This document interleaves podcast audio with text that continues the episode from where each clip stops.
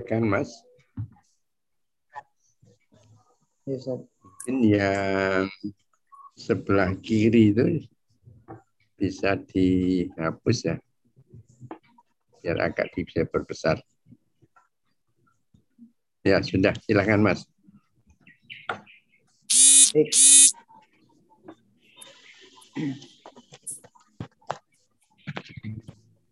Bismillahirrahmanirrahim. Kami dari kelompok 11 akan mempresentasikan tentang pertanyaan yang uh, diajukan yaitu tentang akidah, tentang istiwa atau dan arsy. Pertanyaan dari uh, saudara Raiza Setia.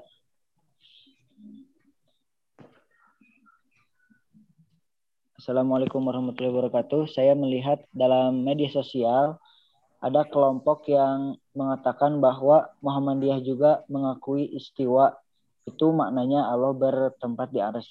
Apakah benar demikian? Dan apa putusan Muhammadiyah tentang makna istiwa? Bukankah makna istiwa itu ada 15 makna? Apakah Muhammadiyah menetapkan istiwa itu bersemayam yaitu julus wa istiqror yang di mana semayam dalam bahasa Indonesia berarti duduk. Mohon penjelasannya. Waalaikumsalam warahmatullahi wabarakatuh. Uh, sebelum kami jelaskan masalah yang antum tanyakan, kami kutipkan terlebih dahulu ayat-ayat yang menyatakan bahwa Allah Subhanahu wa taala bersemayam di aras. Pertama, uh, Quran surat Al-A'raf ayat 54 Inna rabbakumullahu alladzi khalaqas samawati wal arda fi sittati ayamin summa stawa 'alal arsy. Sungguhnya Tuhan kami ialah Allah yang telah menciptakan langit dan bumi dan dalam enam masa. Lalu dia bersemayam di atas arsy. Kemudian yang kedua, Quran surat Yunus ayat 3. Yudabbiru amri Inna Inna rabbakumul ladzi khalaqas samawati wal arda fi sittati ayamin sumastawa 'alal arsy. Sungguhnya Tuhan kamu dialah Allah yang menciptakan langit dan bumi dalam enam masa. Kemudian dia bersemayam di ars uh, untuk mengatur segala urusan. Uh, kemudian yang ketiga Ar-Ra'd ayat 2 Summa stawa alal arsy Allahu ladzi rafa'a samawati wal ardi ghairi amadin taruna. Apa ini kayaknya uh, tulisannya apa agak pecah.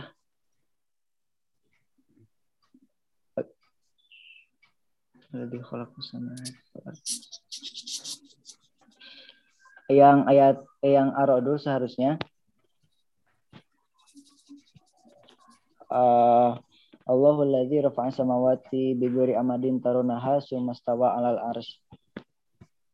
Kemudian Allah yang meninggikan langit tanpa tiang sebagaimana yang kamu lihat. Kemudian dia bersemayam di atas aras. Kemudian yang keempat Quran surat Toha ayat Maha Pengasih uh, yang bersemayam di atas aras.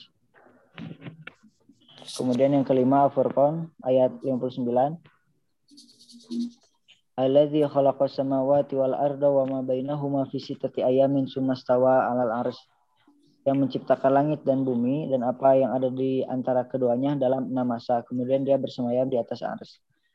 Kemudian yang keenam uh, Al-Quran surat As-Sajdah ayat 4 Allahu alladzi khalaqas samawati wal arda wa ma bainahuma fi sittati ayamin sumastawa 'alal arsy. Allah yang menciptakan langit dan bumi dan apa yang ada di antara keduanya dalam enam masa kemudian dia bersemayam di atas aras. Kemudian yang ketujuh Al-Hadid ayat 4 Huwallazi khalaqas samawati wal arda fi sittati ayamin sumastawa 'alal arsy. Dialah yang menciptakan langit dan bumi dalam enam masa kemudian dia bersemayam di atas aras. Kemudian yang terakhir yang kedelapan Quran surat Al-Qasas ayat 14. Wa kadzalika wa kadzalika najril muhsinin. Wastawa atainahu hukman wa ilman wa lamma balagha asyuddahu. Uh, dan setelah dia Musa dewasa dan sempurna akalnya, kami anugerahkan kepadanya hikmah atau kenabian dan pengetahuan. Dan demikianlah kami memberi balasan kepada orang-orang yang berbuat baik. Nah, jadi ada enam ayat yang menyebutkan istiwa di dalam Al-Quran. Kemudian eh, berikut hadis Rasulullah SAW mengenai Allah bersemayam di atas aras. Rasulullah Wasallam juga telah menetapkan uh, sifat ini untuk Allah Subhanahu Wa Taala dalam beberapa hadis di antaranya yang pertama dari Abu Hurairah radhiyallahu anhu diriwayatkan bahwa ia berkata, aku mendengar Rasulullah Shallallahu Alaihi Wasallam bersabda,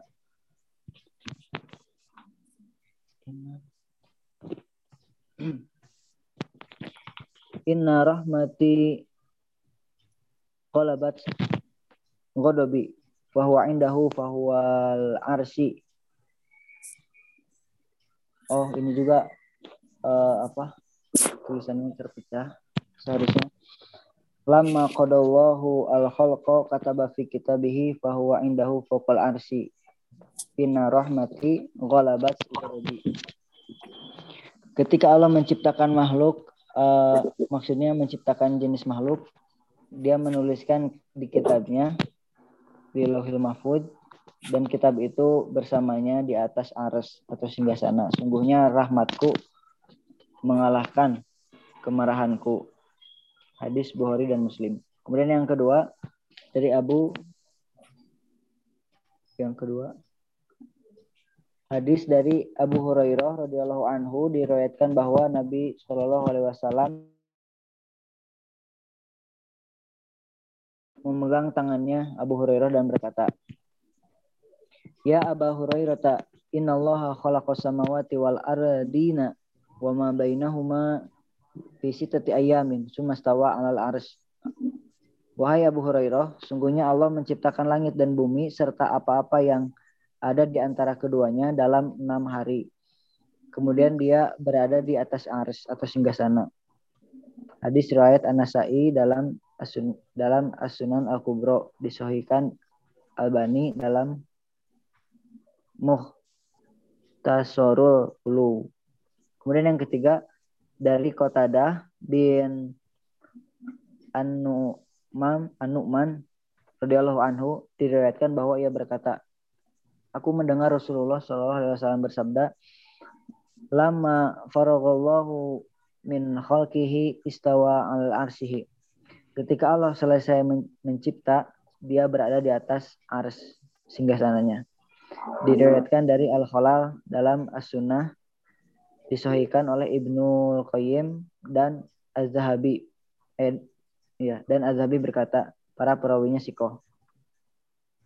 Kemudian penafsirannya, uh, termasuk iman kepada Allah adalah iman kepada apa yang diturunkan Allah Subhanahu wa taala dalam Al-Qur'an yang telah diriwayatkan serta eh secara mutawatir dari Rasulullah Shallallahu Alaihi Wasallam serta yang telah disepakati oleh generasi pertama dari umat ini yaitu para sahabat radhiyallahu anhum bahwa Allah Subhanahu wa taala berada di atas semua langit bersemayam di atas aras maha tinggi di atas segala makhluknya Allah tetap bersama mereka di mana saja mereka berada yaitu Allah maha mengetahui apa yang mereka perbuat sebagaimana disebutkan dalam firman-Nya sumastawa alal ars. Lalu dia bersemayam di atas ars. Al-Quran surat Al-A'raf ayat 54. Nah, uh, Al-Hafiz Imam Ibnu Kasir rahimahullah berkata, uh, pandangan yang kami ikuti berkenaan dengan masalah ini adalah pandangan salafus soleh seperti Imam Malik, Al-Auza'i, Al-Thawri, Al-Laith bin Sa'ad, Imam Asyafi'i, Imam Ahmad, Ishaq bin Rahawai, dan imam imam lain uh, sejak dahulu hingga sekarang yaitu membiarkannya seperti apa adanya tanpa ada takyif atau mempersoalkan kaifiah atau hakikatnya kemudian tanpa tasbih penyerupaan dan tanpa taktil atau penolakan. Dan setiap makna zohir yang terlintas pada benak orang yang menganut paham masya masyabiha musyabiha atau menyerupakan Allah dengan makhluk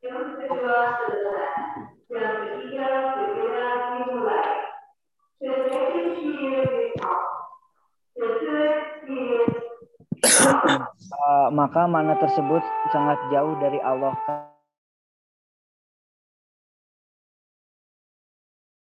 Rupanya sebagaimana firman-Nya laisa kamitslihi syai'un wa huwas samiul basir. Tidak ada sesuatu pun yang serupa dengannya. Dan Allah lah yang maha mendengar lagi maha melihat. Quran Nasyuro ayat 11 nah tetapi persoalannya adalah sebagaimana yang dikemukakan oleh para imam di antaranya adalah Nuaim bin Hamad al-Khuzai guru Imam Al-Bukhari dia mengatakan Barang siapa yang menyerupakan Allah dengan makhluknya, maka ia kafir. Dan barang siapa yang mengingkari sifat yang telah Allah berikan untuk dirinya sendiri, berarti ia juga kafir. Tidaklah apa-apa telah disifatkan Allah bagi dirinya sendiri dan oleh Rasulnya merupakan suatu bentuk penyerupaan. Barang siapa yang menetapkan bagi Allah setiap apa yang disebutkan pada ayat-ayat Al-Quran yang jelas, hadis-hadis yang sahih, dengan pengertian yang sesuai dengan kebesaran Allah, serta menafikan segala kekurangannya, berarti dia telah menempuh jalan hidayah atau petunjuk. Kemudian firman Allah, Ar-Rahmanu alal arsistawa, yaitu yang maha pemurah yang bersemayam di atas ars. Toha ayat 5. Ketika Imam Malik wafat, uh, ditanya tentang istiwa, tentang istiwa Allah, maka beliau menjawab, uh, al istiwa ghairu majhulin wal kaifu ghairu ma'kulin wal wal imanu bihi wajibun wa su'alu anhu bid'ah wa ma'araka illa dolan. Istiwanya Allah itu maklum atau sudah diketahui maknanya dan kaifiahnya tidak dapat dicapai oleh akal atau oleh nalar. Dan beriman kepadanya wajib. Bertanya tentang hal tersebut adalah perkara bid'ah dan aku tidak melihatmu kecuali dalam kesesatan. Kemudian Imam Malik rahimahullah menyuruh orang tersebut pergi dari majelisnya. Imam Abu Hanifah uh, berkata, Man ankarallah man ankara anna Allah azza wa jalla fis sama'i faqad kafar. Barang siapa yang mengingkari bahwa Allah Azza wa Jalla berada di atas langit, maka ia telah kafir. Pendapat Imam uh, kemudian pendapat Imam Madhab mengenai Allah bersemayam di arsy. Pertama Imam Syafi'i. Beliau pernah mengatakan makna firman dalam Al-Qur'an fis sama iman. Zat yang Oh, man fis sama'i Afan kayaknya ketukan. Al-Mulk ayat 16. Zat yang berada di atas langit.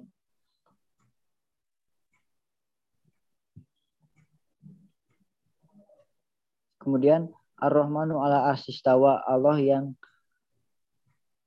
uh, Maha Pengasih itu berada di atas ars.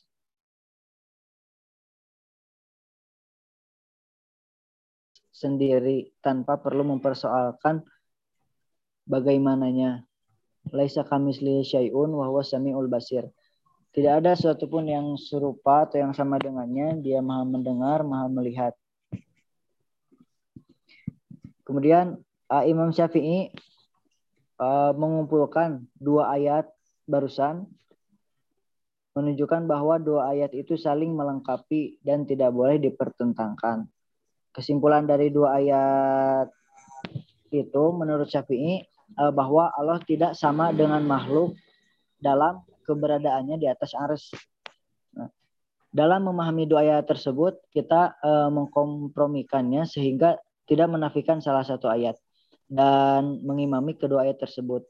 Inilah yang menjadikan Imam Syafi'i mengatakan tanpa mempersoalkan bagaimananya. Karena mempersoalkan hal ini itu akan menggiring orang untuk mempertentangkan dua ayat tersebut lalu menafikan keadaan Allah di atas ars. Kemudian pendapat Imam Malik karena ada dua ayat barusan uh, menjadikan Imam Malik membidahkan pertanyaan tentang bagaimana keberadaan Allah di atas ars. Jadi, jadi pertanyaannya di dinafikan. Karena memang hal itu tidak pernah dipersoalkan oleh para sahabat radhiyallahu anhum. Dan kita juga tidak akan tahu jawabannya bagaimana kita mengusahakannya, bagaimanapun kita mengusahakannya, karena itu adalah hal goib. Dan kita tidak boleh mengatakan satu huruf pun tentang itu kecuali dari sumber yang maksum. Para ulama salaf memahami semua kabar gaib, baik tentang Allah, Azza wa Jalla, malaikat, alam kubur, timbangan amal, sirot, surga, neraka, dan hal-hal gaib lainnya. Karena mengira karena mengira-ngira hal tersebut tanpa sumber yang maksum akan menjauhkan seseorang, akan menjatuhkan seseorang dari kesalahan. Uh, Imam Abu Hanifah rahimahullah juga meyakini bahwa Allah berada di atas aras. Beliau mengatakan, Man lam yukirro annallaha azza wa alal arsi qad kafara anna Allah ta'ala yaqulu ar-rahmanu alal arsi istawa wa arsyuhu fawqa sab'i samawatin. Fawqa sab'a Orang yang tidak menging uh, orang yang tidak mengikrarkan bahwa Allah di atas ars maka ia telah kafir karena Allah Taala berfirman yang uh, yang artinya Allah yang maha pengasih itu berada di atas ars. Toh ayat 5. Dan arsnya itu berada di atas langit yang tujuh. Uh, lihatlah bagaimana kerasnya peringatan beliau dalam masalah ini. Karena beliau hidup di zaman yang tergolong masih awal dalam sejarah Islam. Beliau lahir tahun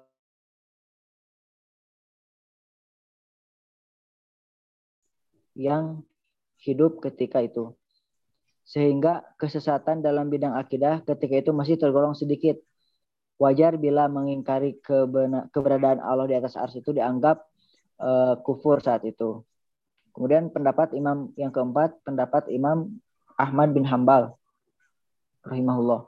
Beliau juga sependapat dengan Imam uh, Imam Imam Ahlu Sunnah sebelumnya dalam meyakini keberadaan Allah di atas arsnya. Dalam uh, bantahannya kepada kelompok Jahmiyah beliau mengatakan Ankartum an yakunallahu ala arsistawa wa qad qala ta'ala ar-rahmanu ala ars.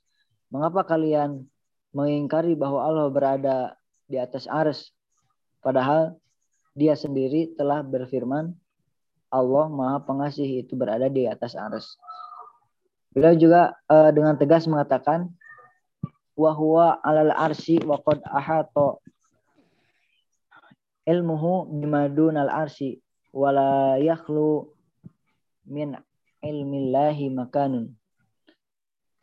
Dia berada di atas aras tapi pengetahu uh, dia berada di atas aras tapi pengetahuannya meliputi apa pun yang ada di bawah aras tidak ada satupun tempat yang luput dari pengetahuannya. Bahkan inilah akidah seluruh ulama ahlu sunnah di masa awal-awal Islam. Imam Ibnu Abdul Bar rahimahullah mengatakan Ahlu sunnati majmu'una alal ikrari bi sifatil waridati kullaha fil qur'ani wa sunnati wal imani biha wa hamluha alal haqiqati la alal majazi illa annahum la yukayyifuna syai'an min zalika wala yahudduna fihi sifatun mahsuratun wa amma ahlul bid'ah wal jahmiyah wal jahmiyati wal mu'tazilati kulluha wal khariji fa kulluhum yankiruha wala yahmilu syai'an minha alal haqiqati wa yaz'amuna anna man aqarra biha musyabbihun wa hum inda man asbataha nafuna lil ma'budi wal haqqu fima qalahu al qailuna bima nataqa bihi kitabullahi was sunnat kitabullahi wa sunnatu rasulihi wa hum a'immatul jama'ati walhamdulillah. Ahlu sunnah telah berijma atau sepakat dalam mengikrarkan dan mengimani semua sifat-sifat Allah yang datang dalam Al-Quran dan As-Sunnah. Mereka memaknai sifat-sifat itu dengan makna hakiki, bukan dengan makna majazi. dan mereka tidak uh, mereka juga tidak membatasi Allah dengan sifat yang terbatas. Adapun para ahli bid'ah, Jahmiyah, Mu'tazilah dan Khawarij mereka selalu mengingkari sifat-sifat itu. Mereka tidak memaknainya uh, dengan makna hakiki bahkan barang siap beranggapan bahwa orang yang mengikrarkan sifat itu sebagai musyabih atau orang yang menyerupakan Allah dengan makhluk sebaliknya mereka di mata orang-orang yang menetapkan sifat-sifat itu adalah orang-orang yang meniadakan sesembahannya dan kebenaran ada di pihak mereka yang mengatakan dengan apa yang dikatakan oleh kitabullah dan sunnah Rasulullah. Mereka lah para imam atau ahlu sunnah wal jamaah. Nah kemudian mana istiwa? Pengertian aras aras pada uh, para para ahli bahasa mengatakan aras sebagai singgasana kemudian apa bangunan atau istana atau tahta. Nah, kata tersebut berasal dari arosha yang rusu yang berarti membangun. Tapi para ulama berbeda pendapat mengenai makna aras. Roshidido dalam tafsirnya menjelaskan bahwa aras adalah pusat pengendalian segala persoalan semua makhluk di alam semesta sebagaimana dijelaskan dalam firman Allah dalam surat Yunus ayat 3 cuma stawa alal ars kemudian dia bersemayam di atas ars nah eh, gambaran fisik ars merupakan hal goib yang tiada seorang pun dapat mengetahuinya kecuali Allah. Di mana letaknya dan berapa besar dan berapa besarnya. Masalah ars telah lama menjadi topik pembicaraan dan Eh, kontroversial apakah ars itu bersifat material atau bersifat imaterial. Hal ini terjadi karena tidak ada penjelasan rinci baik dalam Al-Quran maupun dalam hadis. Al-Quran hanya menjelaskan bahwa ars adalah singgasana. Kemudian pengertian istiwa. Istawa.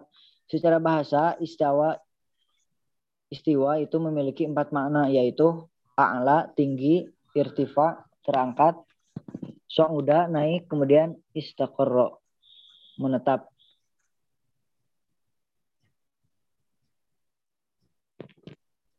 Ke bawah sedikit. Ya ada kan? Kayaknya bukan. Kemudian uh, pandangan Muhammadiyah mengenai masalah Allah bersemayam di atas di dalam fatwa Muhammadiyah sudah terdapat pembahasan mengenai masalah ini yaitu firman Allah surat Yunus ayat 3 sumastawa al aras dari penjelasan di atas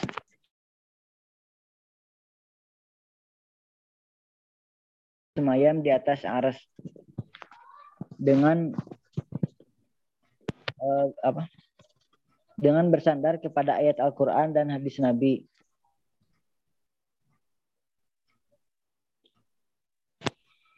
Tapi perlu diketahui bahwa bersemayam Allah itu tidak sama dengan makhluknya. Kita wajib meyakini keberadaannya yang hakikatnya hanya diketahui oleh Allah Subhanahu wa taala. Dan kita tidak perlu mencari-cari seberapa besarnya dan seberapa jauhnya atau tingginya. Uh, apa dalam ayat-ayat yang sudah disebutkan bahwa Allah beristiwa di atas aras atau bersemayam di atas aras dan kita wajib beriman kepadanya dengan tidak perlu bertanya-tanya bagaimana dan di mana. Sekian yang bisa kami sampaikan. Assalamualaikum warahmatullahi wabarakatuh. Waalaikumsalam warahmatullahi wabarakatuh. Panjang ya. Coba kita ya, lihat pertanyaannya, Mas. Ya. Lalu kesimpulannya dulu, Mas. Kesimpulan apa, Mas? Kita coba lihat kesimpulannya. uh, kesimpulannya dari penj uh, dari penjelasan di atas mm -hmm. kami menyimpulkan bahwa Allah Subhanahu wa taala bersemayam di atas ars mm -hmm. dengan bersandar kepada ayat-ayat Al-Qur'an dan hadis Nabi. Tapi perlu diketahui bahwa bersemayamnya Allah tidak sama dengan makhluknya. Kita wajib meyakini keberadaannya yang hakikatnya hanya diketahui oleh Allah. Kita tidak perlu mencari uh, mencari-cari seberapa besarnya dan seberapa jauhnya atau tingginya. Nah, ya. di ayat dalam ayat tersebut jelaskan bahwa Allah beristiwa bersemayam di atas aras dan kita wajib beriman kepadanya dengan tidak perlu bertanya-tanya bagaimana dan di mana. ya. Baik kita lihat dari depan Mas Zakwan ke pertanyaannya. Ya. Mengatakan Muhammadiyah mengari bahwa istawa itu maknanya Allah bertempat di aras. Apakah ya apakah benar demikian? Dan apa putusan Muhammadiyah tentang makna istawa? Bukankah makna istawa itu apa ini Mas? Bukankah makna istiwa itu apa Mas ini? Mempunyai 15 makna. Hmm? Ya, Terus, ini tertutup. Hah? Coba ini karena saya tertutup oleh ya. Bukankah makna istiwa itu terus sudah. Bukan bukankah makna istiwa itu ada 15 makna? Hmm. Apakah Muhammadiyah menetapkan istiwa itu bersemayam, jurus dan istiqror? Nah, 15 makna ini sudah ditemukan belum, Mak? Mas? Uh, kami menemukannya yang yang empat, Ustaz. Mm -hmm. Iya. Yang a'la, hmm. irtifa, su'uda, dan istiqror. Hmm. Lalu yang yang lain belum belum belum nemu sih. Iya. Itu nama-nama itu dari ayat Al-Qur'an sendiri atau dari hadis atau dari tafsir, Mas?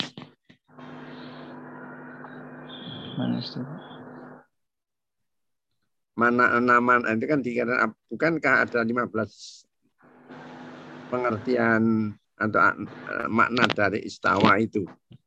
Nah, tadi yang 15 itu kan perlu kita jelaskan apa sih yang 15 itu. Dia mempertanyakan 15 itu berarti kan memang ada pengertian 15. Coba kita lihat.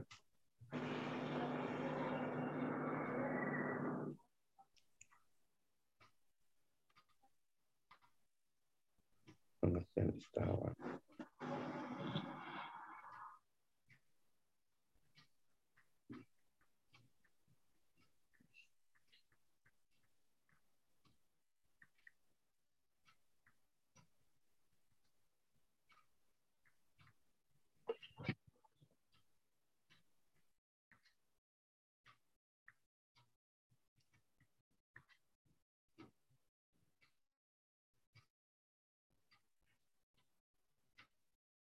istawa. istawa.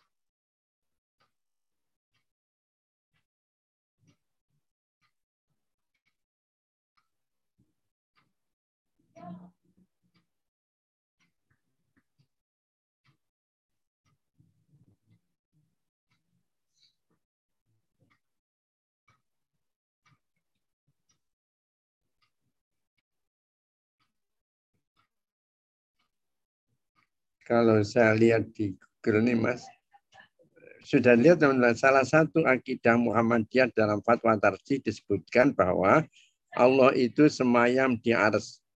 Aduh.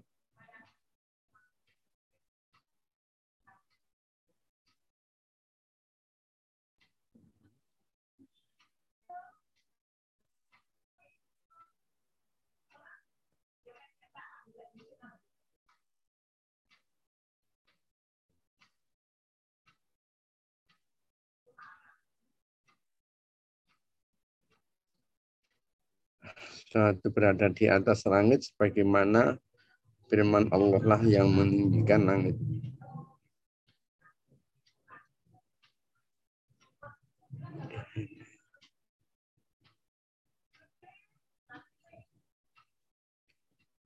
Ini apa sudah dicari di HPT, eh, di, di Tanjam Agama belum, Mas?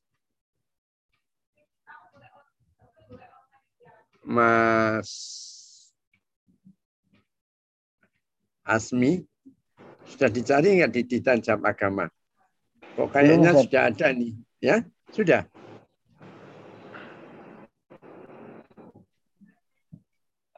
Yang ini saya dapat di Google nih. Salah satu akidah Muhammadiyah dalam fatwa tarjih disebut bahwa Allah semayam di ars ada suatu tempat yang berada di atas langit sebagaimana tercantum dalam firman Allah Allah lah yang meninggikan langit tanpa tiang yang kamu lihat kemudian dia bersemayam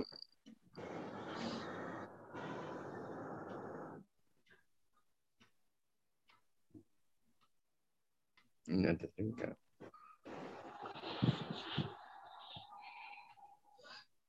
Sudah dilihat belum Mas di agama? Belum Ustaz. Nah coba ini untuk melengkapi supaya tidak bertentangan dengan yang sudah ada tampaknya ini saya lihat ada di keputusan tarjih ini. Itu ya Mas ya? Ya Ustaz. Ya bahan-bahan itu cukup cukup bagus. Tetapi untuk melengkapi adalah kita melihat di dalam tanya jawab agama dulu. Karena saya melihat ini kayaknya ada di jawab agama. Tanya jawab agama. Iya. Coba nanti di tanya jawab agama mengenai makna ars itu. Sesuai darwo batang tarji.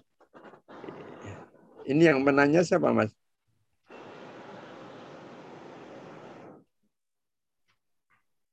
Namanya Ustaz? Mm-hmm. Dari Raiza Setia. Ini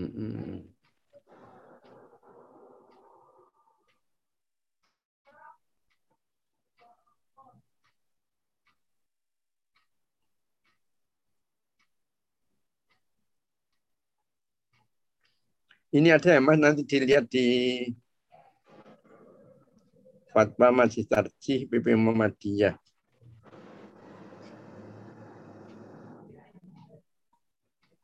Ya nanti dilihat di tanya jawab agama atau literatur lain ini. Dan ini nampaknya cukup panjang penjelasannya. Nah, gitu ya Mas ya. Saya sementara minta untuk dilengkapi di sana. Atau nanti kalau tidak dilihat di Google dulu itu ada tentang yang bertanya tentang ars. Allah bersama yang di ars. Lalu juga ada jawabannya di situ. Tapi kita tidak cukup juga dari Google atau dari web tarji ya. Kalau bisa nanti dilihat di dalam tanya jawab agama. Gitu Mas ya. Ya, kalau yang dulu pertanyaan ini tidak ada pendapat tafsir tidak ada. Semuanya berdasarkan hadis. Eh berdasarkan ayat ya hadisnya belum ada ini jawaban ini pakai hadis itu tentu saya pandang lebih baik itu lebih lengkap. Baiklah punya Mas Azmi dan teman-teman ini supaya nanti dilengkapi dengan atau dilihat kembali di dalam eh, tanya jawab agama. Baik kita skor dulu atau kita cukupkan dulu punya Azmi untuk dilengkapi. Nanti setelah kita lengkapi mungkin minggu depan bisa kita lihat lagi. Baik kemudian kita lanjutkan siapa yang masih punya naskah, saya rasa ada lima pertanyaan ini untuk ini. Baru dua pertanyaan yaitu punya Mas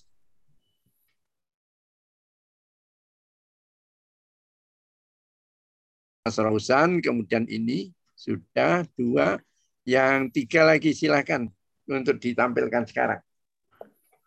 Kami untuk punya saya punya Mas saya Rosan, ini silakan. yang kemarin revisi kerangka Ustaz. Insya Allah siap dikirim Ustaz. Ah, silakan, silakan, silakan Mas Kosan. Sudah terlihat Ustaz? Uh, proses.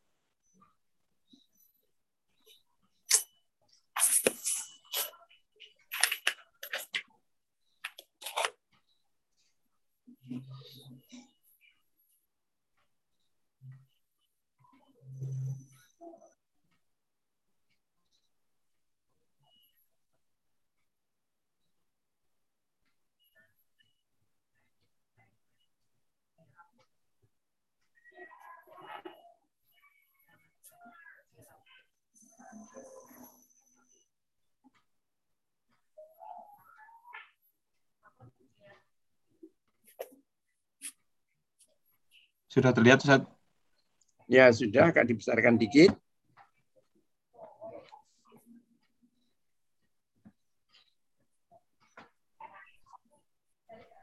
Oh, ya, ya, ya. Baik. Ya. Ini yang dari kemudian. Silakan Mas Rosan. Ya, uh, Bismillahirrahmanirrahim. Assalamualaikum warahmatullahi wabarakatuh. Pak Salam, saya anggota Muhammadiyah dan pembaca majalah Suara Muhammadiyah. Selama ini dalam pikiran saya selalu jalan, yaitu tentang ilmu. Kebetulan saya tidak menuntut ilmu di pesantren, hanya sekolah tamatan PHIan Yogyakarta muridnya almarhum Mbah Kiai Haji Bakir Soleh dan Mbah Kiai Haji Bahran Idris. Sehingga ilmu yang yeah. saya dapatkan pas ke sekolah adalah dengan cara membaca. Akhir-akhir ini saya sering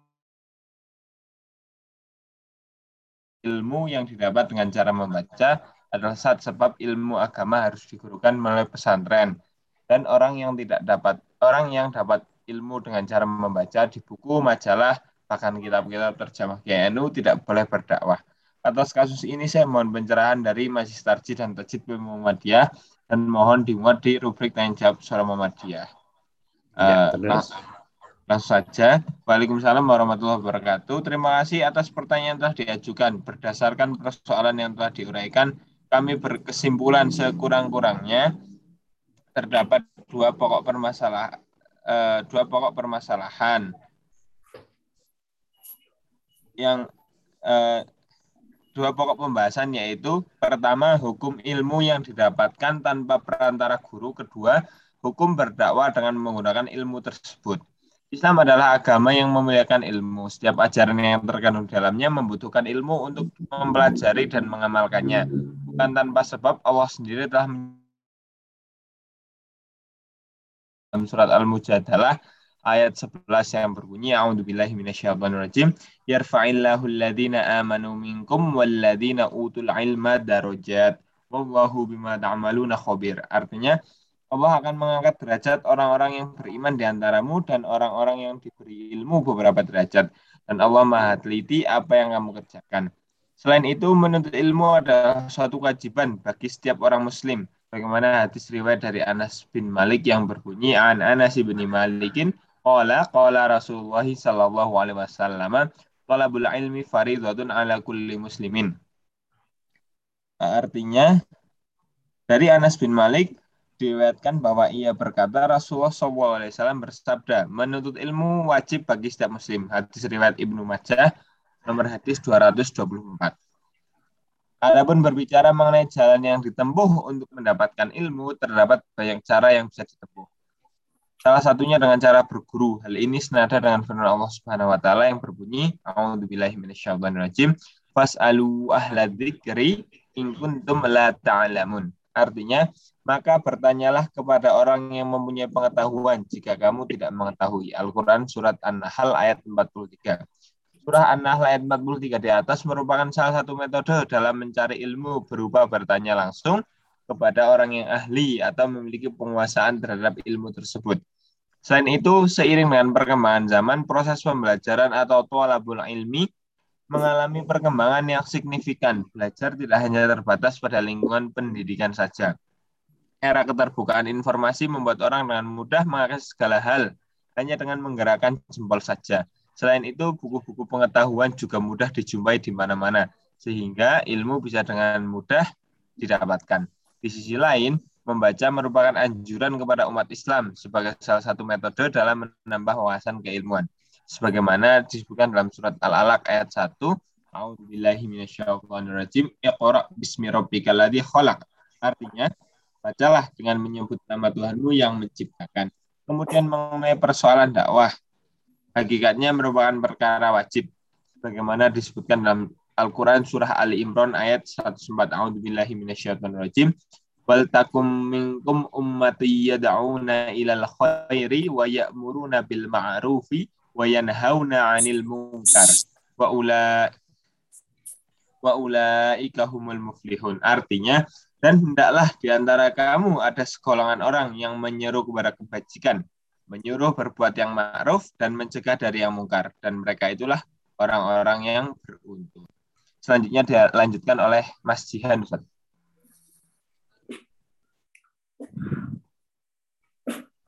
Baik, melanjutkan dari Mas Gusan. Eh, ayat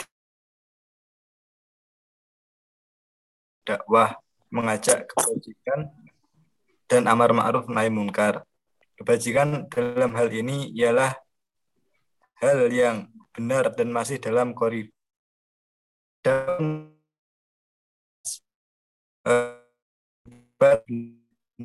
dengan bersumber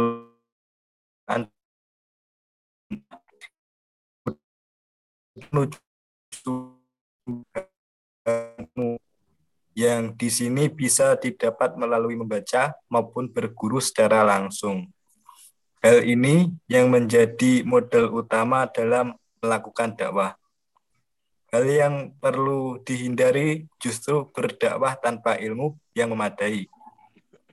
Sebab keadaan tersebut bisa memicu disinformasi yang menimbulkan pemahaman yang kurang tepat bahkan bisa berujung kepada penyesatan publik.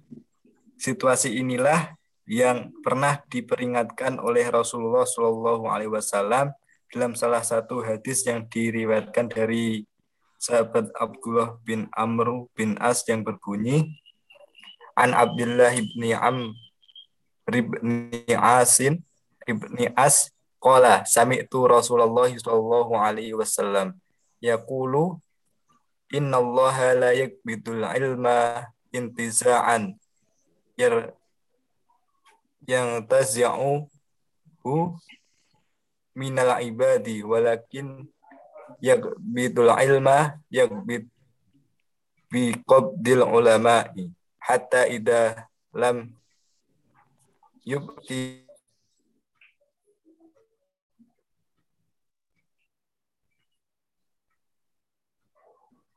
Gimana hilang? Hilang sinyal? Oh, saya lanjutkan Ustaz. Iya, iya. Hatta idza lam yuqbi yuqbi aliman ittakhadha an-nasu ru'usan juhalan fasu'ilu fa'aftau bi ghairi ilmin fadallu wa adallu. Artinya, dari Abdullah bin Amr bin As diriwayatkan bahwa ia berkata, Aku mendengar Rasulullah SAW bersabda, Sesungguhnya Allah tidaklah mencabut ilmu sekaligus mencabutnya dari hamba. Akan tetapi Allah mencabut ilmu dengan cara mewafatkan para ulama hingga bila sudah tidak tersisa ulama, maka manusia akan mengangkat pemimpin dari kalangan orang-orang bodoh. Ketika mereka ditanya, mereka berfatwa tanpa ilmu, mereka sesat dan menyesatkan. Hadis riwayat Al-Bukhari nomor hadis 100. Dalam matan atau isi hadis tersebut, Rasulullah SAW mengingatkan segenap umatnya. Halo, Ustaz. Kita. Halo. Ya. Ya, ini, ini tadi kan eh, hilang sinyal nih jadi lanjutkan lima segosan. Biar Mas segosan aja dulu. Ya. Kayaknya sedang terganggu, Ustaz. Iya, biar aja Mas Gosan yang teruskan yang sinyalnya di Amatan atau isi hadis tersebut, Rasulullah, Rasulullah mengingatkan segenap umatnya, termasuk kita untuk berhati-hati dengan karakteristik ulama ulama yang berfatwa tanpa ilmu. Selain itu, hal tersebut juga memuat pesan supaya kita tidak terjatuh ke dalam sifat tercela tersebut. Peringatan ini sekaligus memberikan nasihat bagi kita semua untuk tetap bermuhasabah dan mawas diri terhadap penguasaan ilmu yang dimiliki. Apabila dirasa masih kurang, maka tugas kita adalah senantiasa belajar dan menghindarkan diri dari perilaku merasa cukup. Sikap inilah yang menjaga kita dari pribadi yang jahil, yang salah satu indikasinya ialah sesat lagi menyesatkan sebagaimana hadis di atas.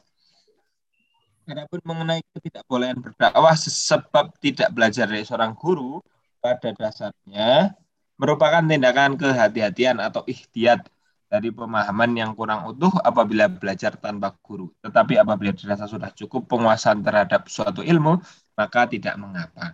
Kesimpulannya, mempelajari ilmu bisa ditempuh dengan berbagai cara, baik dengan membaca buku ataupun berguru langsung kepada seseorang yang memiliki pemahaman terhadap satu disiplin ilmu tertentu. Juga apabila ilmu yang telah dikuas yang telah kita kuasai dipergunakan sebagai bekal untuk berdakwah selama tidak menyelisihi perkara-perkara pokok agama seperti akidah dan keimanan, maka hal demikian diperbolehkan. Wallahu alam. Kemudian ini yeah. pertanyaannya sudah di layout Ustaz. Kemarin kan yang NU itu diganti uh, mm -hmm. diganti postingan dari dari warga salah satu orang ormas Islam. Iya, iya. Kemudian ya. yang kitab terjemah juga diganti ini, Ustaz. Ya, baik kita lihat dari atas dulu Mas ada beberapa redaksi yang serasa perlu untuk kita benahi bersama. Dari atas Mas dari awal tadi. Saya ingin melihat pada surah An-Nahl tadi. Surah An-Nahl itu ada kata-kata surah An-Nahl itu tadi. Oh. Terus iya. Nih, sebentar. Surah An-Nahl ayat 43 di atas merupakan salah satu metode ya. Bukan saya rasa redaksinya sedikit kita ubah. Dari dari ayat 43 surah An-Nahl memberikan makna gitu ya bahwa dari dari ayat 43 surah An-Nahl memberikan makna adanya satu metode dalam mencari. Barangkali itu ya. Pakai dari dari Mas dari ayat 43 dari ayat 43 surah An-Nahl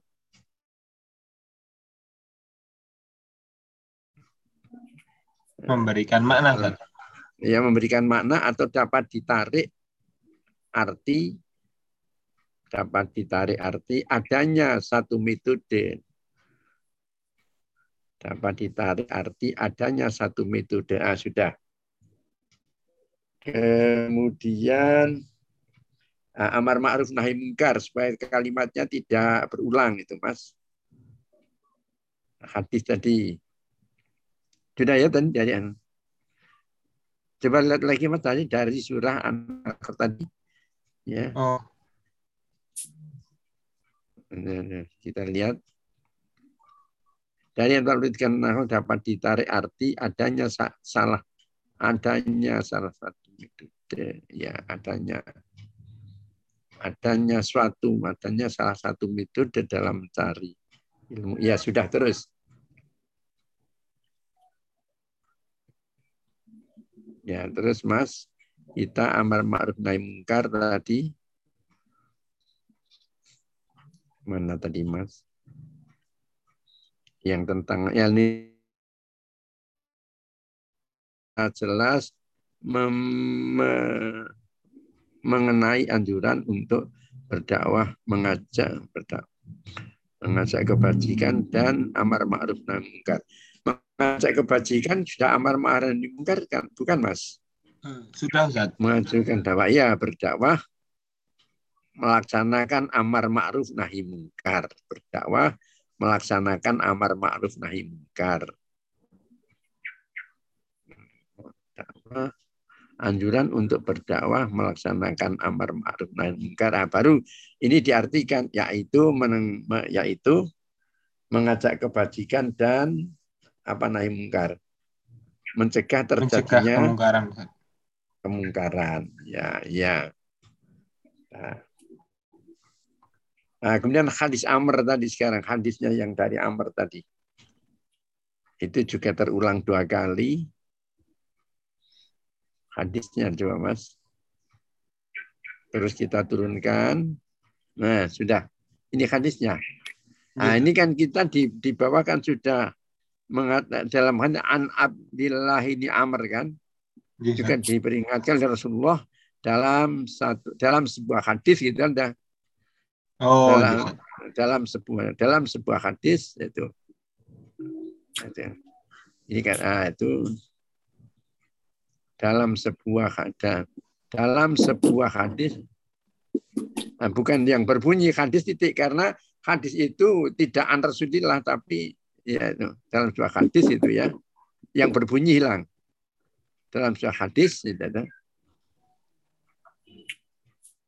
nah itu ya Ya hadis itu berarti memuat mat, eh, sanad dan matanya itu. Ya Iya. saya rasa itulah perbaikan dari saya ini bisa dikirim. Alamat Bisa. emailnya Tarsi sudah saya kirim ya Mas ya. Sudah di Coba grup, dilihat di ya. Coba Sudah dilihat dikirim di, di grup. grup. Ya di grup Sudah. saya kirim. Baik, ini sudah bisa dikirim. Semoga segera bisa disidangkan. Iya. Yang lain masih ada dua lagi. Silakan. Kami Ustaz. Ya, silakan Mas Arman. Tentang apa Mas Arman? Oh, bersedekah bersedekahnya seseorang atas nama orang yang sudah wafat. Eh, eh, ini juga sudah ada di dalam fatwa-fatwa terdahulu ya. Mas Arman sudah lihat belum? Sudah Ustaz, ditanya jawab Iya. agama Ustaz. Ya, ya nanti disebutkan di ya. Silakan akan dibesarkan dikit Mas Arman. Mas Arman.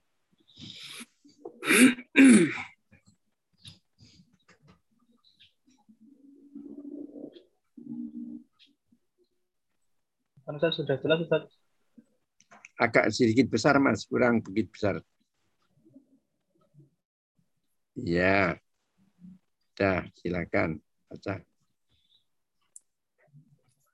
Afwan Ustaz, belum muncul. Eh, Saya sudah sudah kelihatan. Ya, sudah. Ah. Hmm. Bismillahirrahmanirrahim.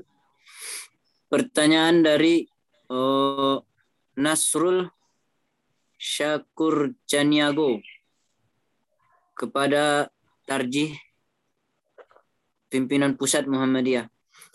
Pertanyaannya, Assalamualaikum warahmatullahi wabarakatuh. Klarifikasi terhadap jawaban putusan tarjih tentang bersedekahnya seseorang atas nama orang yang sudah wafat itu diterima pahalanya. Saya pernah membaca tanya jawab di Tarjih 13 Maret 2016 yang menyebutkan bahwa bersedekah atas nama orang yang telah wafat akan diterima. Sedangkan hadis yang berbunyi jika meninggal anak cucu Adam maka terputuslah seluruh pahala amalannya kecuali tiga perkara. Yang pertama sedekah jariah, kedua ilmu yang bermanfaat, dan ketiga doa anak yang soleh yang mendoakannya. Dan jika dikaitkan dengan surat An-Najm ayat 39, maka jelaslah bahwa sedekah jariah yang diusahakan semasa hidupnya yang mendatangkan pahala dan adapun amalan yang baik yang dilakukan anaknya sekalipun tak diniatkan atas nama orang tuanya yang sudah wafat otomatis akan mengalir karena wariskan pengajaran baik kepada anaknya. Jawaban Waalaikumsalam warahmatullahi wabarakatuh. Kami ucapkan terima kasih atas kepercayaan saudara kepada tim Fatwa Tarjih dan Tajdid Pimpinan Pusat Muhammadiyah untuk menjawab pertanyaan saudara. Sebelumnya pertanyaan serupa telah dimuat dalam website Suara Muhammadiyah 7 Juni 2021 tentang hadis bersedekah untuk orang yang sudah meninggal meninggal dunia atau Suara Muhammadiyah tentang bersedekah untuk orang yang sudah mati bid'ah atau tidak.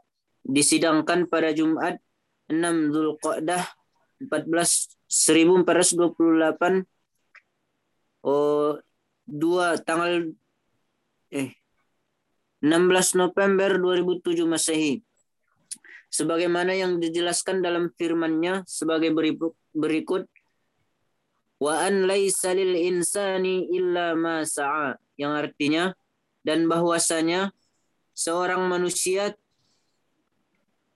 tiada memperoleh selain apa yang telah diusahakannya. Quran surah An-Najm ayat 39.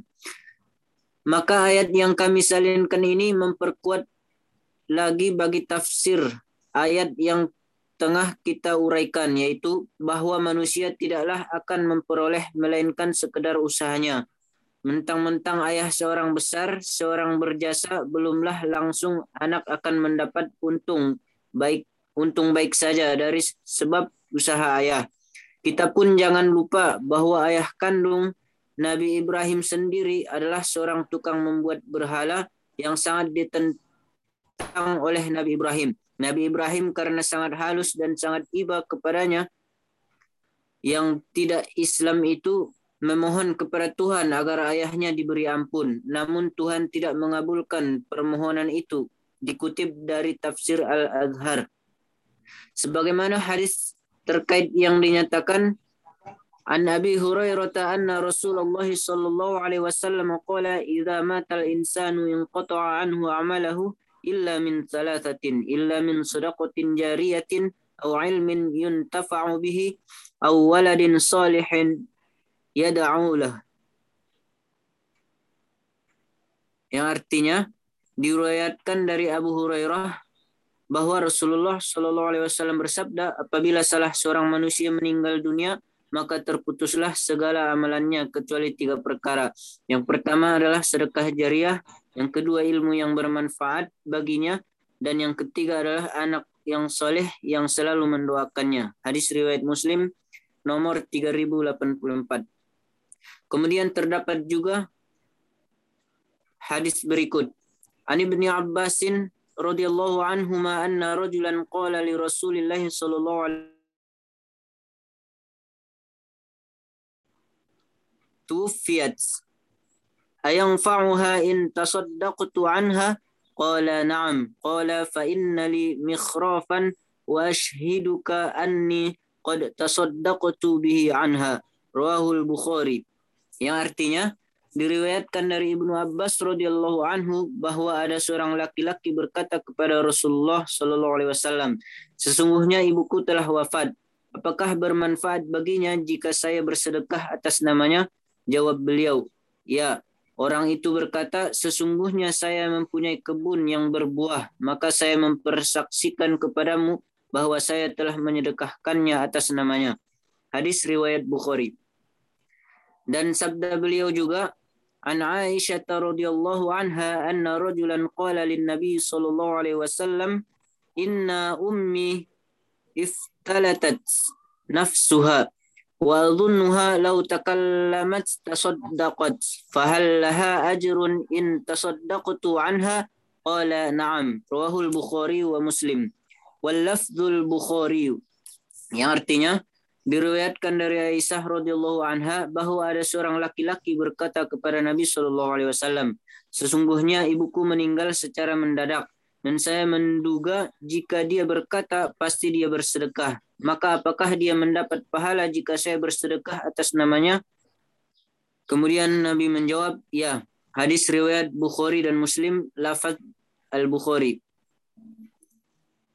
Dan sabda beliau juga, An Abi Hurairah anna rajulan qala lin Nabi sallallahu alaihi wasallam, "Inna abi mata wa taraka malan wa lam yusi, fahal yukaffiru anhu in in atasaddaqu anhu qala na'am. Rawahu muslim. Yang artinya diriwayatkan dari Abu Hurairah radhiyallahu anhu bahwa ada seorang laki-laki berkata kepada Nabi Shallallahu alaihi wasallam sesungguhnya ayahku wafat dan meninggalkan harta akan tetapi beliau belum berwasiat. Maka apakah dia dihapuskan dosanya jika saya bersedekah atas namanya?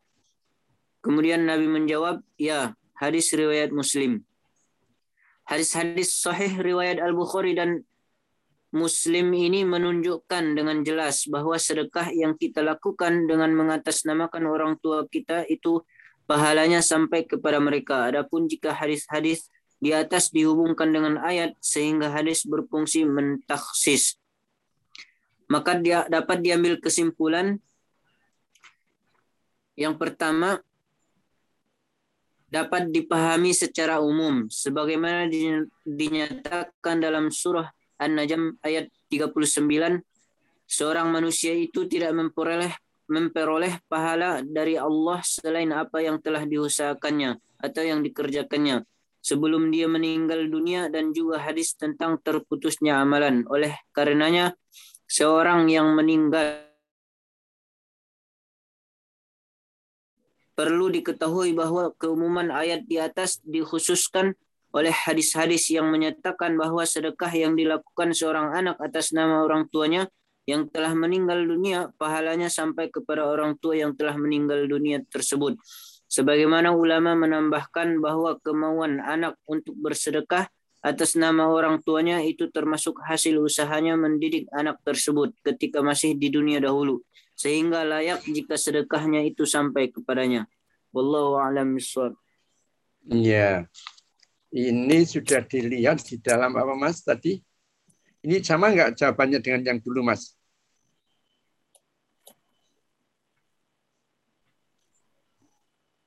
Ini pertanyaan Ya. serupa sempat ada, Ustaz. Iya, serupa ada. Kesimpulannya sama. Sama. Iya, jadi jangan. Lalu cara menjawabnya urut-urutannya sama enggak? Urutannya ini kami sampaikan ayatnya, Ustaz. Karena kan ini mengkonfirmasi, Ustaz. Jadi mengkonfirmasi kepastian. Jadi Iya, kita coba korelasikan kita lihat dulu. Ya.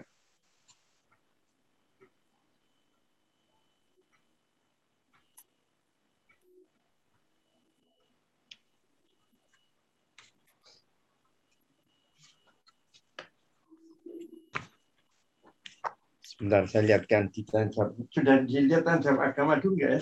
Oh ya, sebelum Mas Zakwan ada, Mas Zakwan, ini nanti lihat, ya sudah saya lihatkan jawabannya tentang ars itu, ditanya jawab agama jilid 7 Mas ya, Mas Zakwan.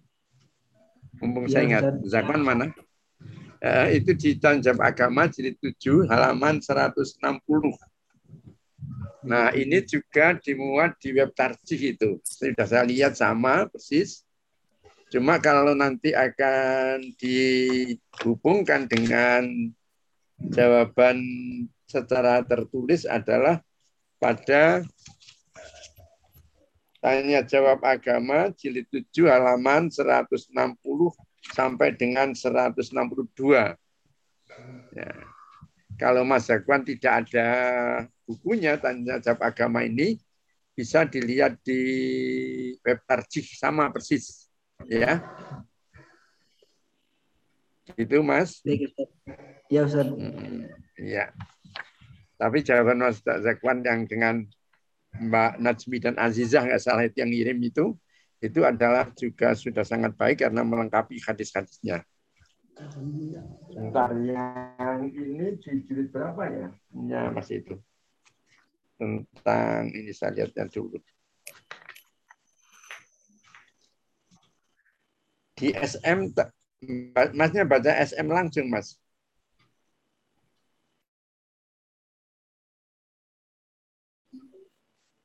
Yang yang SM yang web, Ustaz. Hmm, web ya. Iya. Nah, saya lihatnya di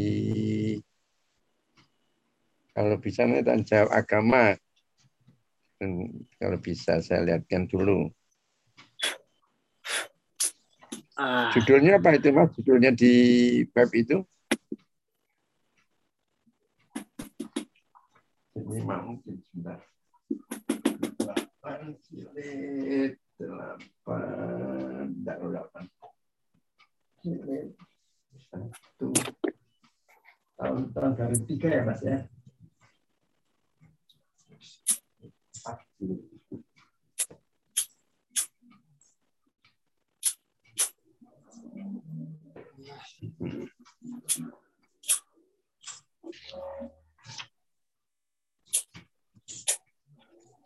Ah, itu disidangkan tahun 2007 ya Mas ya?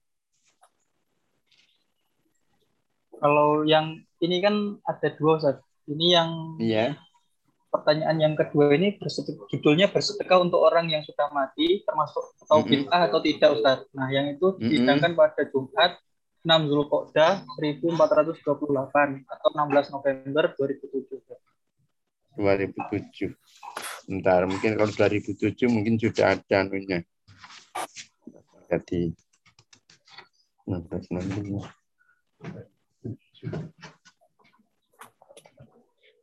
واصبر نفسك مع الذين يدعون ربهم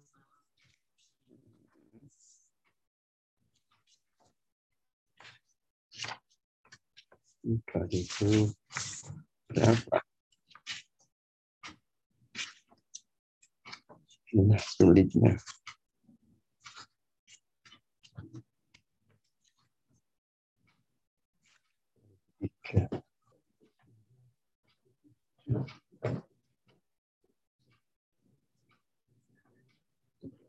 Tujuh.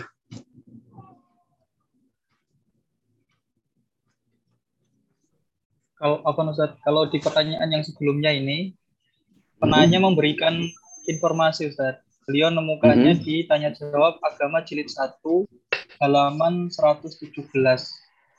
Oh Tapi kemarin iya. kemarin kami belum menemukan. Iya, dalam satu ya, sebentar saya lihatnya.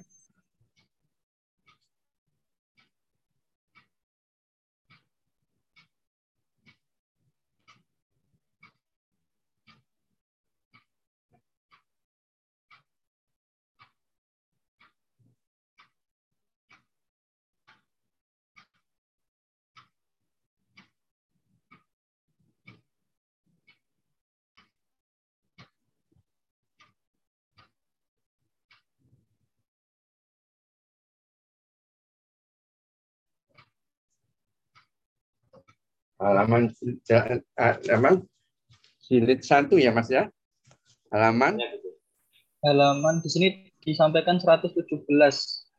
Oh iya, coba saya lihat yang mungkin ada.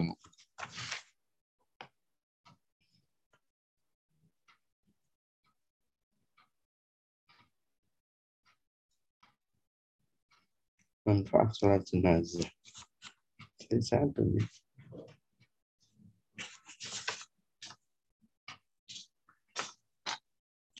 Satu.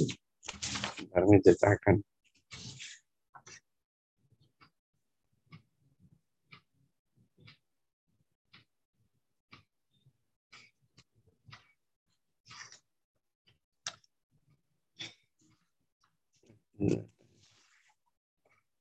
kita untuk jamak sholat Jumat, sholat jam tilawah, sholat sunat Да, как.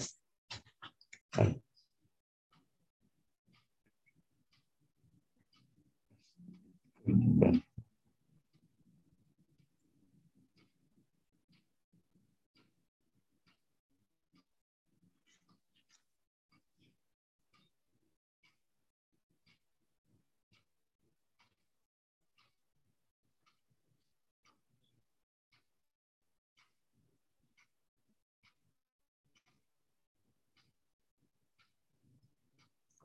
Ketemu nih. Jilid satu warisan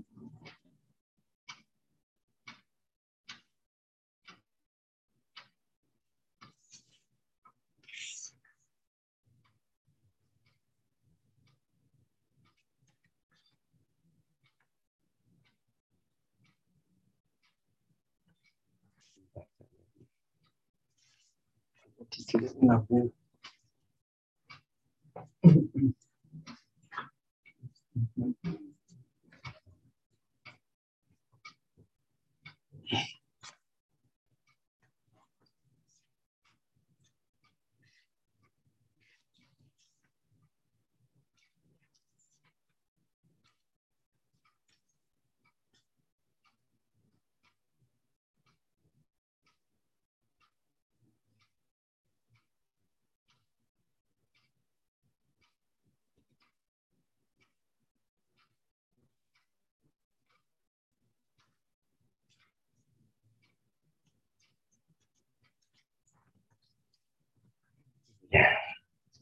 Tapi tentang penyebutan Nabi Ibrahim itu masnya ambil dari mana? Juga dari tanya jawab agama. Ya, Mas. Kalau ini saya tam apa nih? Kalau ini hmm. saya tambahkan dari tafsir tafsir uh, ini Ustaz. Al-Manar eh, Al-Azhar Pak Al-Manar. Doa itu dengan pertanyaan. Kalau secara langsungnya tidak ada, Ustaz. cuman untuk menambah. Iya.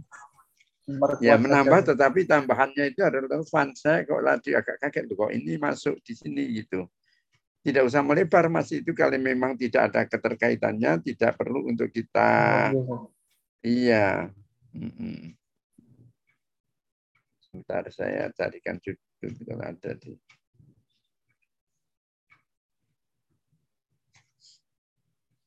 halaman 117 itu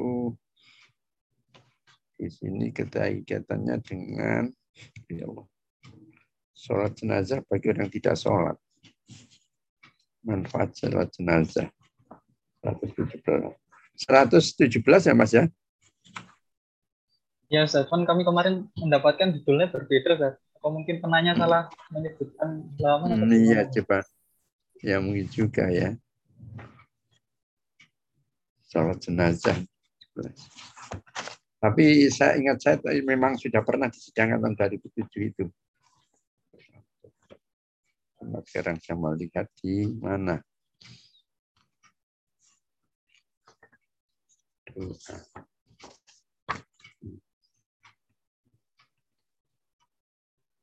Dari itu intinya di sini. Ini tujuh enggak.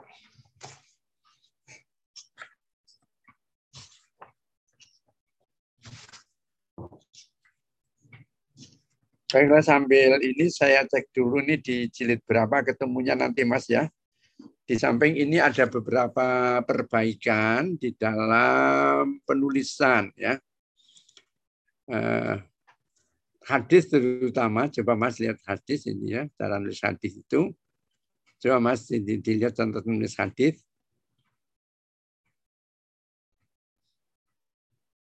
Hmm, ya. Ya, ini artinya tidak diriwayatkan. Dari Abu Hurairah dalam kurung diriwayatkan bahwa tutup kurung nah, baru dikatakan ada seseorang laki-laki bertanya kepada Rasulullah SAW gitu ya mas. Lalu hadis riwayat Bukhari ini nanti dilengkapi dengan nomor berapa hadisnya itu? Itu Eh,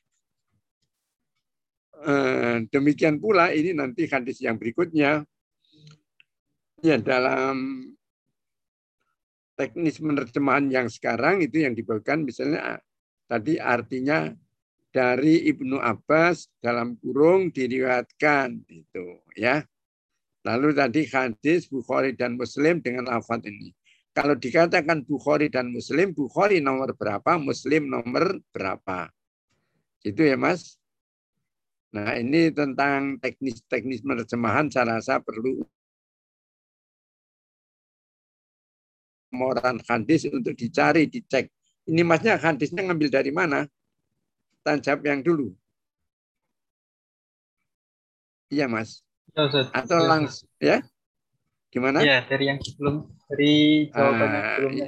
Iya tidak sekarang tidak boleh seperti itu. Masnya cari dari hadis nomor berapa seperti yang dilakukan oleh Mas Gosan tadi menyebutkan nomor hadisnya gitu ya. Nah, ini masih harus dilacak dulu nomor hadisnya sehingga nanti pembaca itu ketika melihat hadisnya nomor berapa itu akan ngecek benar enggak ini ada di dalam kitab yang disebutkan itu. Ya, sementara ini diperbaiki dulu, mungkin minggu depan sudah bisa lebih baik ya. Ya. Yang satu lagi siapa ini Mas? Masih ada satu kayaknya belum bisa di belum pernah di ini ya belum belum kita dipresentasikan. Siapa lagi sekarang?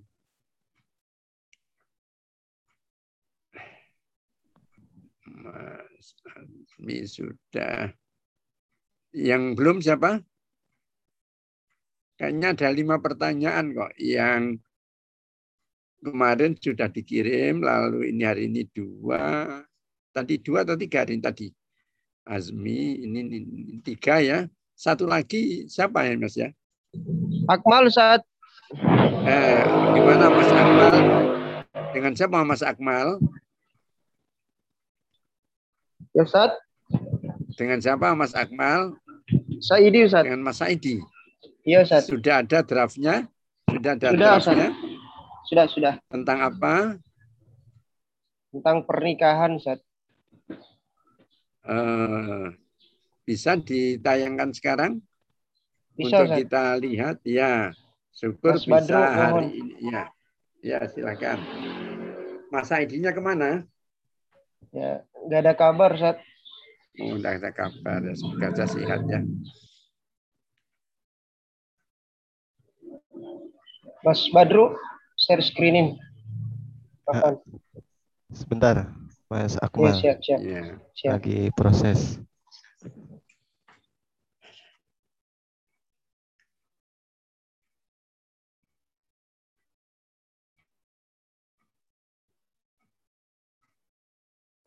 Sudah kelihatan Mas Akmal. Ya, silakan. Fatwa tadi pernikahan. Ah, ya, ya, ya. Silakan. Ini sudah kita tampilkan dulu. Sekarang semoga ada perbaikan. Sudah. Tentang undang-undang yang saya sarankan dulu. Ya. Sudah dilihat di Sudah, Mas, ya? Ustaz. Ya, Ya, Ustaz. sudah. Kita lihat coba. Oke, Bismillahirrahmanirrahim. Assalamualaikum warahmatullahi wabarakatuh. Ya, langsung saja fatwa Hmm. tarji tentang nakahat yaitu pernikahan, cara menikahkan anak. Pertanyaan dari Rumit Siregar yang dikirim ke Tarji. Selamat pagi Ustadz. Sebelumnya saya mohon maaf karena pertanyaan ini sudah sering ditanyakan namun hati saya belum puas dan belum jelas dengan Hmm. penjelasannya.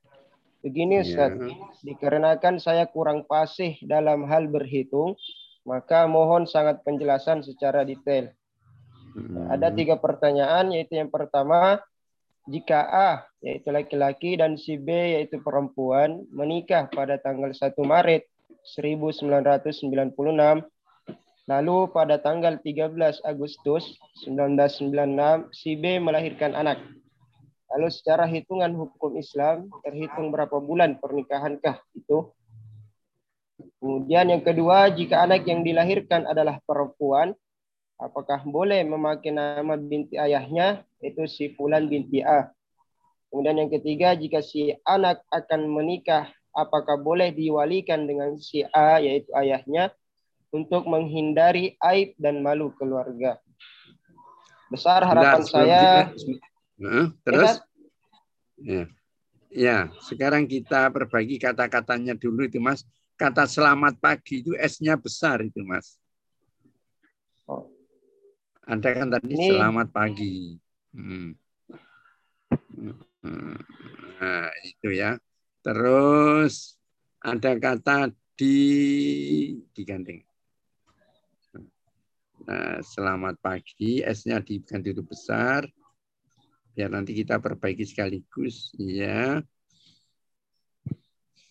Maka apakah boleh Tadi ada kata di di mana di itu dengan kata kerja di, di, dirangkai.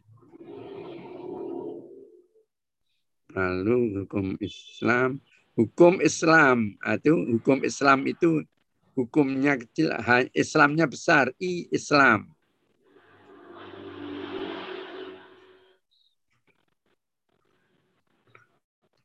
Itu. Lalu nomor tiga diwalikan itu digabungkan, tidak diwalikan tapi diwalikan jadi satu. Tidak ada spasinya. Mhm. Ya sudah. Lalu kita jawabannya ya sedikit-sedikit perbaiki. Yuk terus mas. Ustadz, Ustadz itu nanti di Z ya. Dalam ejaan yang di suara Muhammadiyah bukan Ustadz, tapi Ustadz itu di Z. Ya, Ustaz. Kata, ya. Ya, jawabannya Ustaz. Ya, sudah. Ah, ah, ya terus. Waalaikumsalam warahmatullahi wabarakatuh. Terima kasih atas pertanyaan yang diberikan. Sebelumnya telah banyak dimuat atau dibahas dalam karya-karya Majelis Tarjih Muhammadiyah mengenai Ah, benar. pertanyaan saudara. Majelis tajwid ini ya M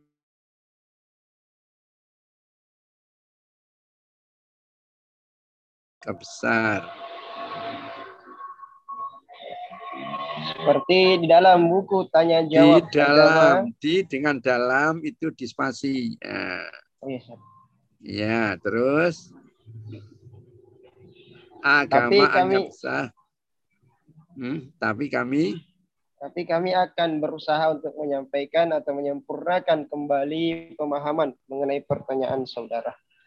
Ya, ya, adapun jawaban dari nomor satu, yaitu jika seorang laki-laki dan seorang perempuan menikah pada tanggal 1 Maret 1996, kemudian dari pernikahannya itu dikaruniai seorang anak yang lahir pada tanggal 13 Agustus 1996 dengan menggunakan hitungan Islam, maka untuk menghitungnya kita berpijak kepada bulan Komariah. Dalam bulan menggunakan Komariah, menggunakan hitungan kalender Islam, kan Oh. hitungan Islam. Hitungan kalender Islam, Oh, ya, menggunakan hitungan kalender Islam. ya kita perbaiki sekaligus.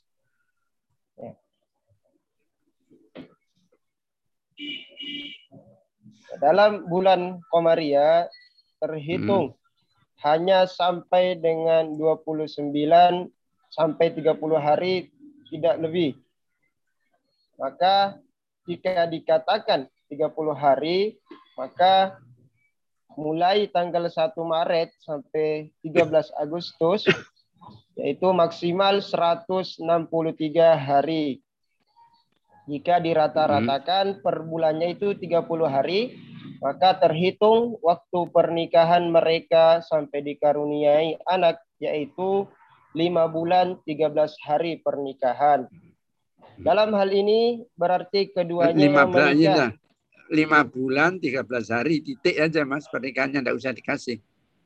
Lima bulan, lima bulan, 13 hari. Nah, sudah titiknya. Terus, dalam, Dalam hal, hal ini berarti keduanya menikah ketika si perempuan tersebut hamil karena terhitung waktu si perempuan itu melahirkan sebelum enam bulan dari pernikahannya dengan laki-laki tersebut. Kemudian jawaban yang kedua, Hmm. Dalam hal ini berarti sebentar Mas. Dalam hal Ustaz. ini berarti keduanya menikah ketika si perempuan tersebut Hamil. sudah hamil. ya Ustaz. Sebentar. Dalam hal ini berarti enggak usah enggak usah nggak ditambahi. Enggak, enggak usah, enggak usah tambahi. Nah, Ya, sekarang kita eh, apakah kita sudah bisa mengatakan ini adalah perkawinan itu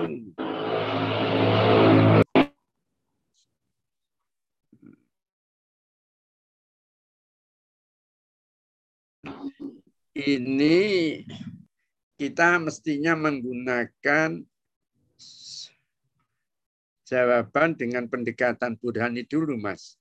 Pernahkah Mas Akmal ini mendak membaca keterangan dari ahli kebidanan atau dokter kebidanan yang mengatakan bahwa kelahiran anak itu normal atau itu apa kalau sebelum lahirnya masa itu namanya bayi lahir apa Prematur Ustaz. prematur akan bisa hidup kalau itu sekurang-kurangnya enam bulan. Ada enggak? Ya pernah Ustaz, pernah baca dan pernah ditanya juga sama teman. Ah, karena baca di mana bacanya? Itu dilihat bacaannya. Ustaz, Nah, kalau sudah berdasarkan itu maka dapat diduga bahwa anak ini adalah lahir atau perkawinan ini terjadi ketika perempuan itu sudah hamil. Atau kalau kemudian dalam pandangan imam madhab syafi'i atau imam syafi'i bahwa anak lahir dalam keadaan bisa hidup itu adalah setelah atau sekurang-kurangnya enam bulan semenjak terjadinya perkawinan sampai dengan kelahiran. Itu. Jadi kalau pertama itu mestinya untuk mendapatkan kesimpulan seperti ini, kita harus melakukan pendekatan burhani, yaitu ilmu pengetahuan. Pengetahuan di sini adalah pengetahuan yang didasarkan kepada eh, pendapat para dokter, terutama dokter kebidanan. Dan yang kedua, kita lengkapi dengan pandangan mazhab syafi'i. Sehingga akan kita berkesimpulan bahwa uh, dapat diduga bahwa andai kata anak ini lahir dalam keadaan normal atau mau hidup, maka tentu ini atau dapat dipastikan atau paling tidak dapat ditebak ini ketika perkawinan sudah terjadi kehamilan. Nah ini saya rasa burhani ya di sini. Kasih catatan nih mas. Nomor satu perlu adanya pendekatan burhani yaitu pengetahuan dari ilmu kedokteran. Nah, ini PR-nya Mas Akmal ini. Ya. Sebenarnya ada penjelasannya sedikit di nomor dua saat tentang itu. Saat. Oh, nomor dua coba-coba nanti nomor dua ya, kita lihat kalau perlu dipindahkan. Ya terus.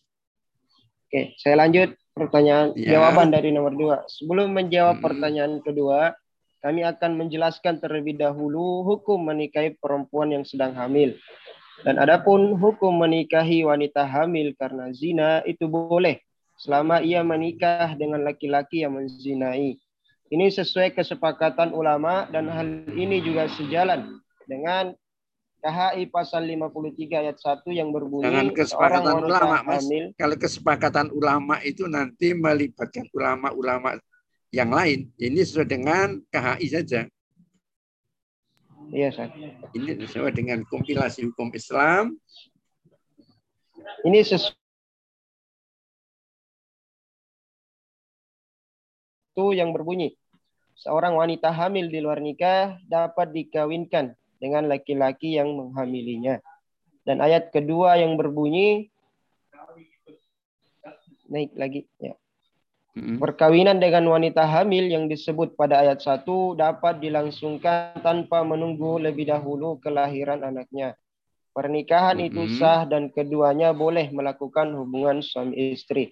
Kemudian jika perempuan tersebut melahirkan anak setelah enam bulan pernikahan, maka sesuai eh, kesepakatan ulama, maka anak tersebut dapat dinasabkan kepada si A, yaitu ayahnya, karena pada umur tersebut sudah mencapai batas kehamilan minimal. Namun jika perempuan tersebut melahirkan anak sebelum enam bulan dari pernikahannya dengan si A yaitu ayahnya, maka dinasabkan kepada si B yaitu ibu yang melahirkannya. Maka ayahnya tidak dapat dinasabkan kepadanya dan tidak dapat menjadi wali dari anaknya tersebut. Itu sedikit penjelasannya tadi, Ustaz, yang nomor satu. Tapi ini belum ini penjelasan dari ya, statement kita saja, Sat. tapi penjelasan ya statement yang menunjukkan kepada burhaninya belum ada, yaitu keterangan dari dokter itu loh, Mas. Iya, Sat. Nah, ya, ini yang saya melihat di PR adalah akan lebih mantap kalau ini ada keterangan dari uh, penjelasan pendekatan burhani, pendekatan dari ilmu pengetahuan. Pengetahuan yang kita dibutuhkan di sini adalah dokter itu dokter spesialis kandungan terutama. Ya baik saya ya terus mas ya, saya lanjutkan mm -hmm. Adapun dalil yang mendasari tentang nasab yaitu al-waladu lil firashi walil ahiril hajar. Artinya anak itu haknya laki-laki yang memiliki tempat tidur, suami yang sah dan bagi yang berzina itu mempunyai hak apa pun atas anak tersebut. Ya, meskipun demikian, laki-laki itu tetap nah, ini sebagai... ini dalil ini hadis Mas, benar. Kalau hadis ini seperti yang lain saya katakan itu adalah dari sahabat yang meriwayatkan dan juga nanti perawinya siapa, hadis nomor berapa. Itu ya. Lalu iya, cara iya, menerjemahkan seperti yang saya katakan kepada teman terdahulu tadi ya dari sahabat siapa diriwayatkan bahwa dan seterusnya. Ya, ini nanti perbaikan di situ juga. Ya. Terus Ya, meskipun demikian, laki-laki itu tetap dikatakan sebagai bapak dari anak itu apabila dilihat bahwa anak tersebut tercipta dengan sebab air maninya akan tetap dari, akan tetapi dari hasil zina. Karena dari hasil zina inilah maka anak tersebut dikatakan sebagai anak zina yang bapaknya tidak mempunyai hak nasab, waris dan kewalian dan nafkah sesuai dengan ke bawah lagi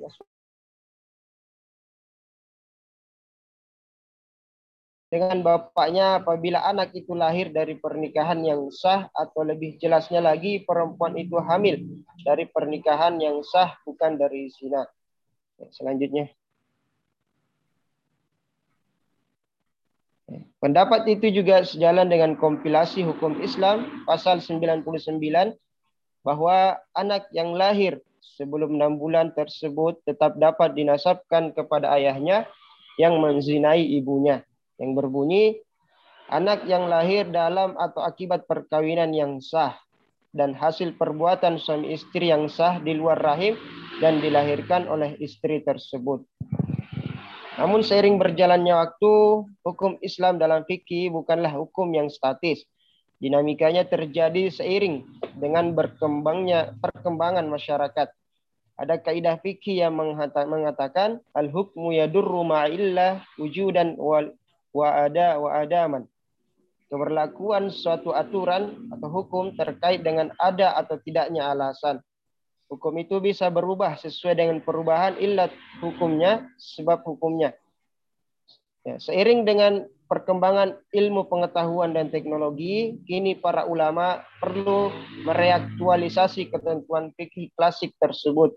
Sejalan dengan prinsip hukum berubah mengikuti perubahan zaman, tempat, dan keadaan, hubungan nasab antara anak zina dan bapaknya dapat ditentukan secara pasti melalui tes DNA. Konsekuensi itu keduanya saling mewarisi termasuk juga dengan keluarga pihak bapaknya. Oleh karena itu, Majelis Tarjih pun Majelis Tarjih Muhammadiyah pun akhirnya memutuskan bahwa anak yang lahir dari hasil persinaan atau anak yang lahir di luar pernikahan sepanjang ada hubungan darah yang dibuktikan berdasar ilmu pengetahuan dan, te dan teknologi atau alat bukti lain menurut hukum adalah anak yang sah. Begitu pula dalam Undang-Undang Nomor 1 Tahun 1974 Pasal 42 yang berbunyi anak yang sah adalah anak yang dilahirkan dalam atau sebagai akibat perkawinan yang sah. Ditetapkan demikian karena demi kemaslahatan dan kebaikan anak tersebut. Jadi kesimpulannya bahwa anak tersebut bisa dinasabkan kepada ayah yang menghamili ibunya dengan Bentar, bentar.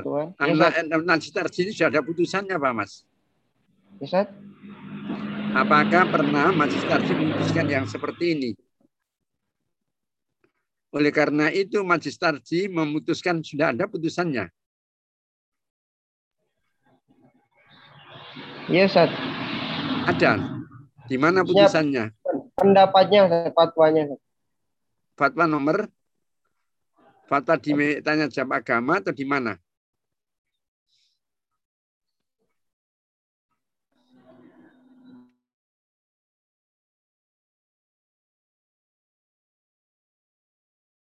nanti eh, saya file tapi jangan PDF biar saya bisa mengapa merubah atau bagaimana. Coba dikirimkan nanti saya filenya, nanti saya baca cermat lagi.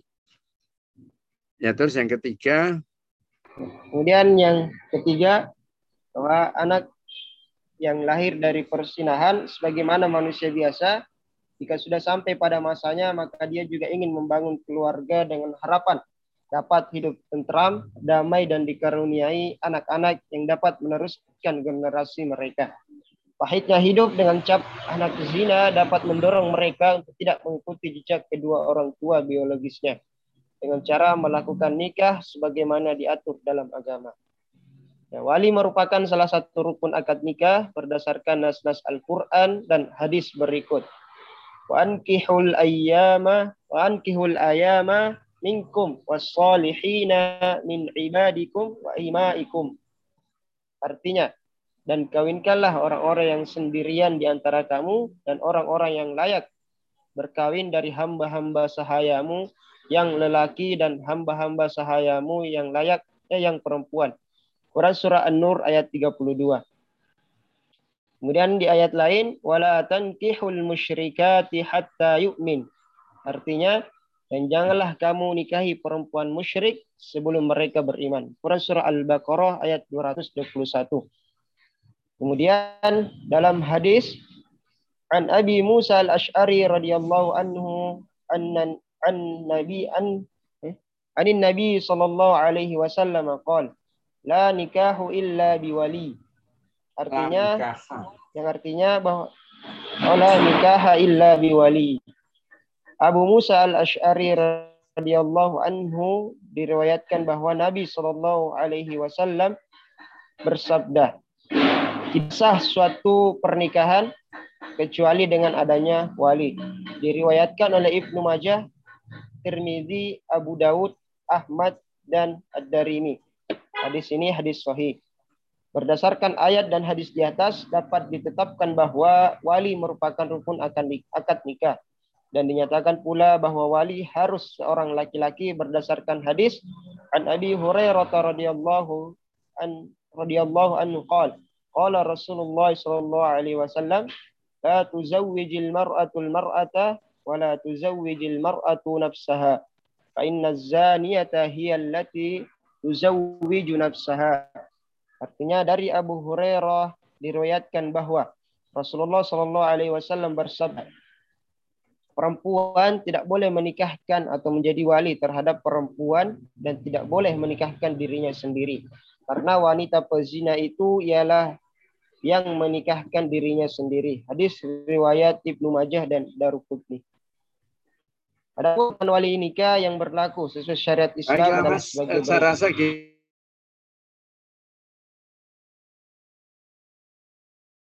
singkat saja. Boleh enggak jadi wali kan gitu? Oh iya. Bukan minta penjelasan. Nanti ini supaya disingkat saja ya Mas ya. Tolong nanti saya dikirim lagi filenya ini. Saya pelajari lagi untuk kita besok minggu atau Kamis yang akan datang itu bisa lebih terarah. Itu ya Mas ya. Baik. Ya baik. Ya, saya Ustaz. sampai di sini